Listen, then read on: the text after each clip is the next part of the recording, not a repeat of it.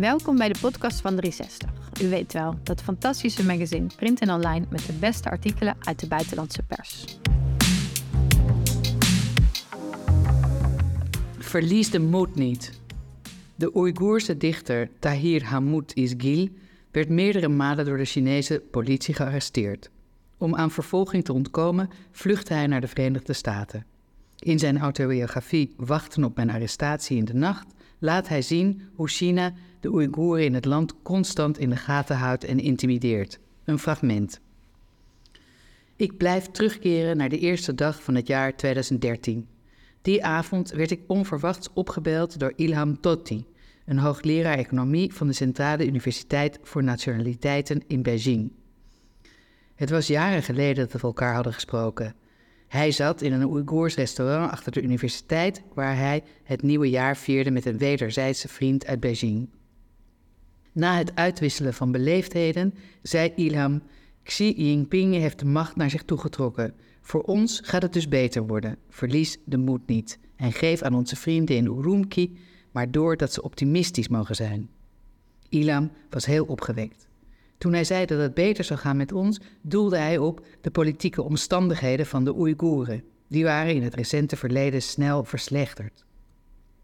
Op dit moment is volstrekt duidelijk hoe absurd het was om van Xi Jinping iets te verwachten wat positief zou uitpakken voor de Oeigoeren, maar in der tijd leefde die hoop wel bij veel Oeigoerse intellectuelen. Ook onder de Han-intellectuelen waren er mensen die verwachten dat Xi relatief progressief zou zijn. De Chinese politiek is zo ondoorzichtig dat er over de politieke opvattingen van nieuwe leiders alleen maar gespeculeerd kan worden. Xi's vader, Xi Zongxun, was kort nadat de partij aan de macht was gekomen de hoogste functionaris in het noordwesten van China geweest en had kritiek geuit op het repressieve beleid van de partij in Xinjiang. Oeigoerse intellectuelen wilden maar al te graag geloven dat Xi Jinping op dit gebied de voetstappen van zijn vader zou drukken. Het was een uit wanhoop geboren hoop, de droom van een gehavende gemeenschap over een betere behandeling door haar koloniale overheersers. Ik had aan het begin van de jaren negentig kennis gemaakt met Ilham Tohti aan het Centrale Instituut aan het Centrale Instituut voor Nationaliteiten, zoals de naam toen nog luidde, was ik bezig met het afronden van het eerste deel van mijn studie. Ilam deed een master economie. Hij was een enorm energieke, spraakzame man die heel snel praatte alsof zijn hoofd vol gedachten zat en hij die in de hoogste versnelling onder woorden wilde brengen. Als we elkaar op de campus tegen het lijf liepen, begon hij meteen opgewonden te praten. En als hij eenmaal bezig was, was hij bijna niet meer te stuiten. Vooral als het over zijn favoriete onderwerp ging: de economie en demografie van de regio waar de Oeigoeren woonden. Later zou Ilam een van de meest vooraanstaande Oeigoerse dissidente intellectuelen worden.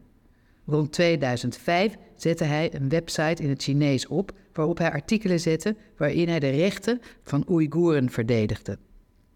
Hij betoogde dat de Chinese overheid zich in Oeigoers gebied niet aan haar officiële autonomiebeleid hield.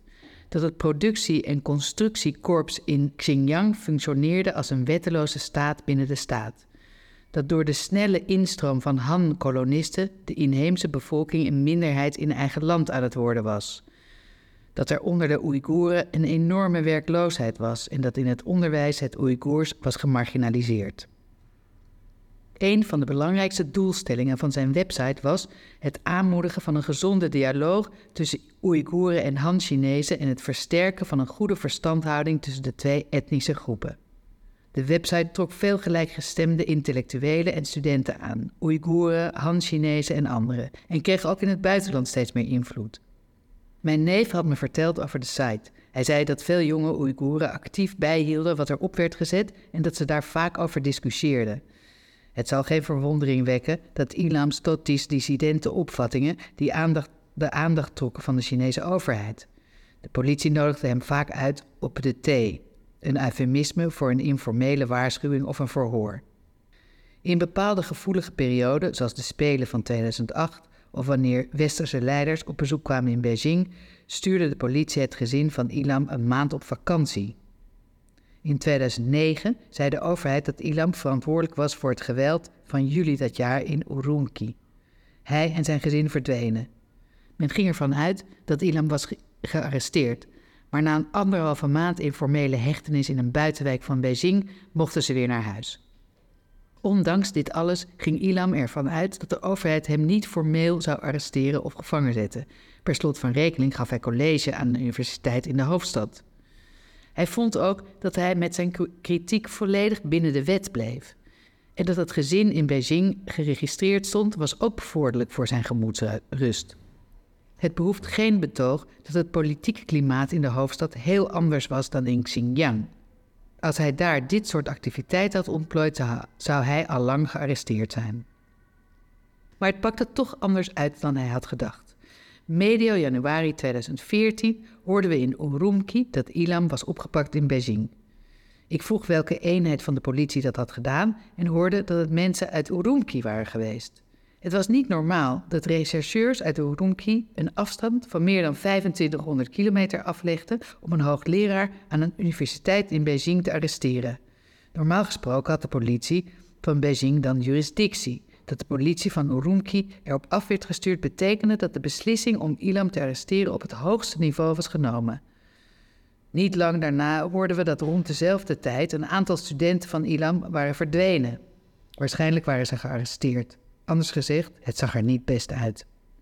Ik schrok van de arrestatie van een intellectueel die alleen maar de overheid had opgeroepen om zich aan haar eigen wetten te houden. Daardoor kreeg ik het sombere voorgevoel dat het met de Oeigoerse intelligentsia als groep helemaal de verkeerde kant op ging. Om toch wat te doen tegen het naderende gevaar, stak ik een paar uur in het controleren van alle bestanden op mijn laptop en de computer die ik op mijn werk gebruikte en wiste alle bestanden, videobeelden, opnamen en foto's die de politie mogelijk kon aangrijpen om het te arresteren. Ik gaf iedereen bij ons op kantoor opdracht hetzelfde te doen. Niet lang daarvoor was ik als servant op het internet Charter 08 tegengekomen, een manifest waarin Nobelprijswinnaar Liu Xiaobo en anderen een oproep deden voor democratie en burgerrechten in China. Na het lezen besloot ik het in het Oeigoers te vertalen, maar omdat ik het nergens kon publiceren, had ik het maar op mijn computer laten staan. Een paar jaar geleden had ik van een vriend een Word-bestand gekregen met de Chinese vertaling van Xinjiang, China's Muslim Borderland, een bundel wetenschappelijke artikelen uit de Verenigde Staten en elders. De politieke afdeling van het Volksbevrijdingsleger had het boek in het Chinees vertaald, waarschijnlijk om mensen er intern kennis van te laten nemen omdat de overheid de toegang tot informatie vanuit het buitenland strikt reguleerde, wilde ik heel graag alle mogelijke buitenlandse informatie over Oeigoeren en ons land in handen krijgen. En dus las ik het boek wel drie keer. Ik had ook de PDF van een in Taiwan gepubliceerd boek van Wang Lixiong, waarvan de titel zich in het Engels laat vertalen als My West China, Your East Turkestan. En ik had een foto van de Dalai Lama met de verbannen Oeigoerse leider Rebia Kadir, zijn arm liefdevol om haar schouders geslagen. Het was ontroerend om deze warme band te zien tussen leiders van twee gemeenschappen die in China werden onderdrukt. Het had me heel wat moeite gekost om deze tekst te vinden en te vertalen en het gaf me een onbehagelijk gevoel toen ik ze één voor één wiste. Maar latere gebeurtenissen zouden aantonen dat ik er goed aan had gedaan. Het ging echt de verkeerde kant op. De repressie die het gevolg was geweest van de rellen die in 2009 in Urumqi waren uitgebroken, was nog niet voorbij toen de overheid een aparte campagne tegen de Oeigoeren op touw zette die de naam Sla hard toe meekreeg. Die was gericht tegen religieus extremisme, etnisch separatisme en gewelddadig terrorisme en het had verrijkende gevolgen. Han-migranten stroomden in nog grotere aantallen dan eerst Xinjiang binnen. Huizen van Oeigoeren werden gesloopt en hun land werd in beslag genomen. In godsdienstig en cultureel opzicht kregen de Oeigoeren met steeds meer repressie te maken en in het dagelijks bestaan werden ze steeds meer gediscrimineerd. Aan de problemen die door Totti waren benoemd werd niet alleen niets gedaan, ze mochten ongehinderd doorwoekeren. Toch bleef de overheid zeggen dat alle ontevredenheid onder de Oeigoeren voortkwam uit separatisme en terrorisme en werd er lukraak mensen bestraft. Twee maanden nadat Totti was gearresteerd, bereikten ons berichten over een terroristische aanslag in een treinstation in de Zuid-Chinese stad Kunming, duizenden kilometers bij Urumqi vandaan. Staatsmedia berichten dat vijf zwart gemaskerde Oeigoeren met messen passagiers hadden aangevallen in de hal waar de kaartjes werden verkocht. Weer gingen twee maanden voorbij. Toen kwamen staatsmedia met het bericht dat twee Oeigoeren passagiers hadden aangevallen bij de uitgang van het station waarna ze zich hadden opgeblazen. Kort daarop kwam het bericht dat Oeigoerse terroristen een zelfmoordsaanslag hadden uitgevoerd op een markt in Urumqi. In de jaren na het geweld van 2009 in Urumqi leek het rustiger te zijn geworden in Xinjiang. Maar door drie aanslagen binnen twee maanden liep de spanning weer behoorlijk op. De houding en de retoriek van de overheid werden agressiever dan ooit. Oeigoeren reageerden stevast op dit soort gebeurtenissen door er is iets gebeurd te zeggen. Mensen die ik kende hadden complexe gevoelens over zulke incidenten.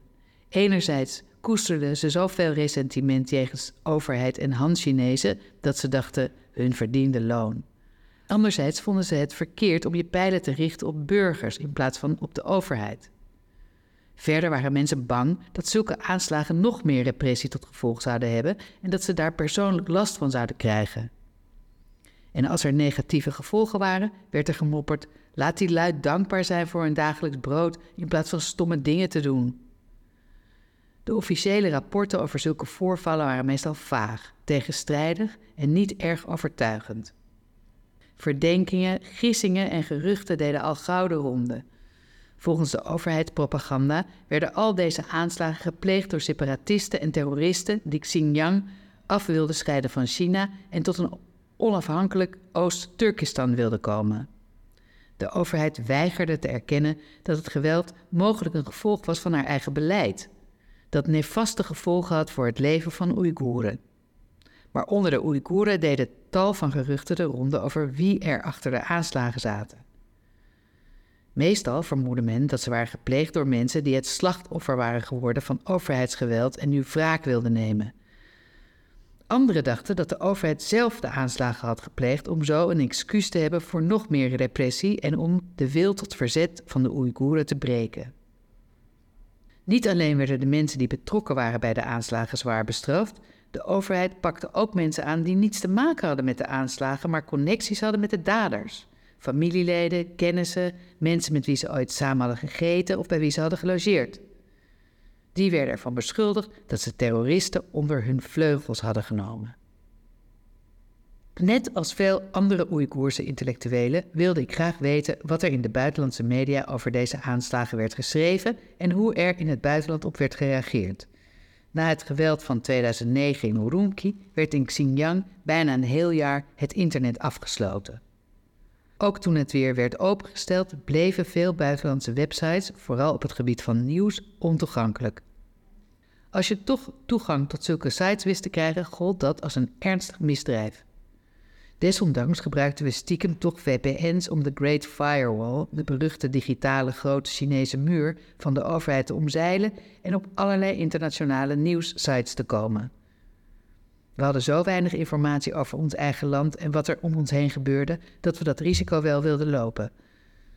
Na de arrestatie van Ilham Totti en de aanslagen werd de repressie zo hevig dat ons niets anders overbleef dan onze VPN's te verwijderen en het zonder internationale nieuwssites te stellen.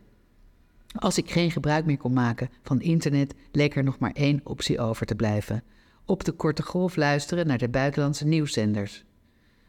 Dat jaar gingen we met het gezin op vakantie in Kashgar. We brachten een bezoek aan mijn ouders en gingen bij oude vrienden langs. De man van een vrouw met wie Marhaba op school had gezeten, had in een winkelcentrum daar een zaak met elektronische spullen. Ik besloot daar een korte golfradio te kopen. Hij wist vast wel wat een goede was. Toen ik naar binnen liep, was hij net bezig alle radio's uit de winkel in dozen te doen. Ik vroeg wat hij aan het doen was. Het politiebureau heeft gebeld, zei hij verbitterd. We moeten al onze radio's uit de winkel halen. We mogen ze niet meer verkopen. De lijst met verboden artikelen was blijkbaar nog langer geworden. Een paar jaar daarvoor waren lucifers verboden.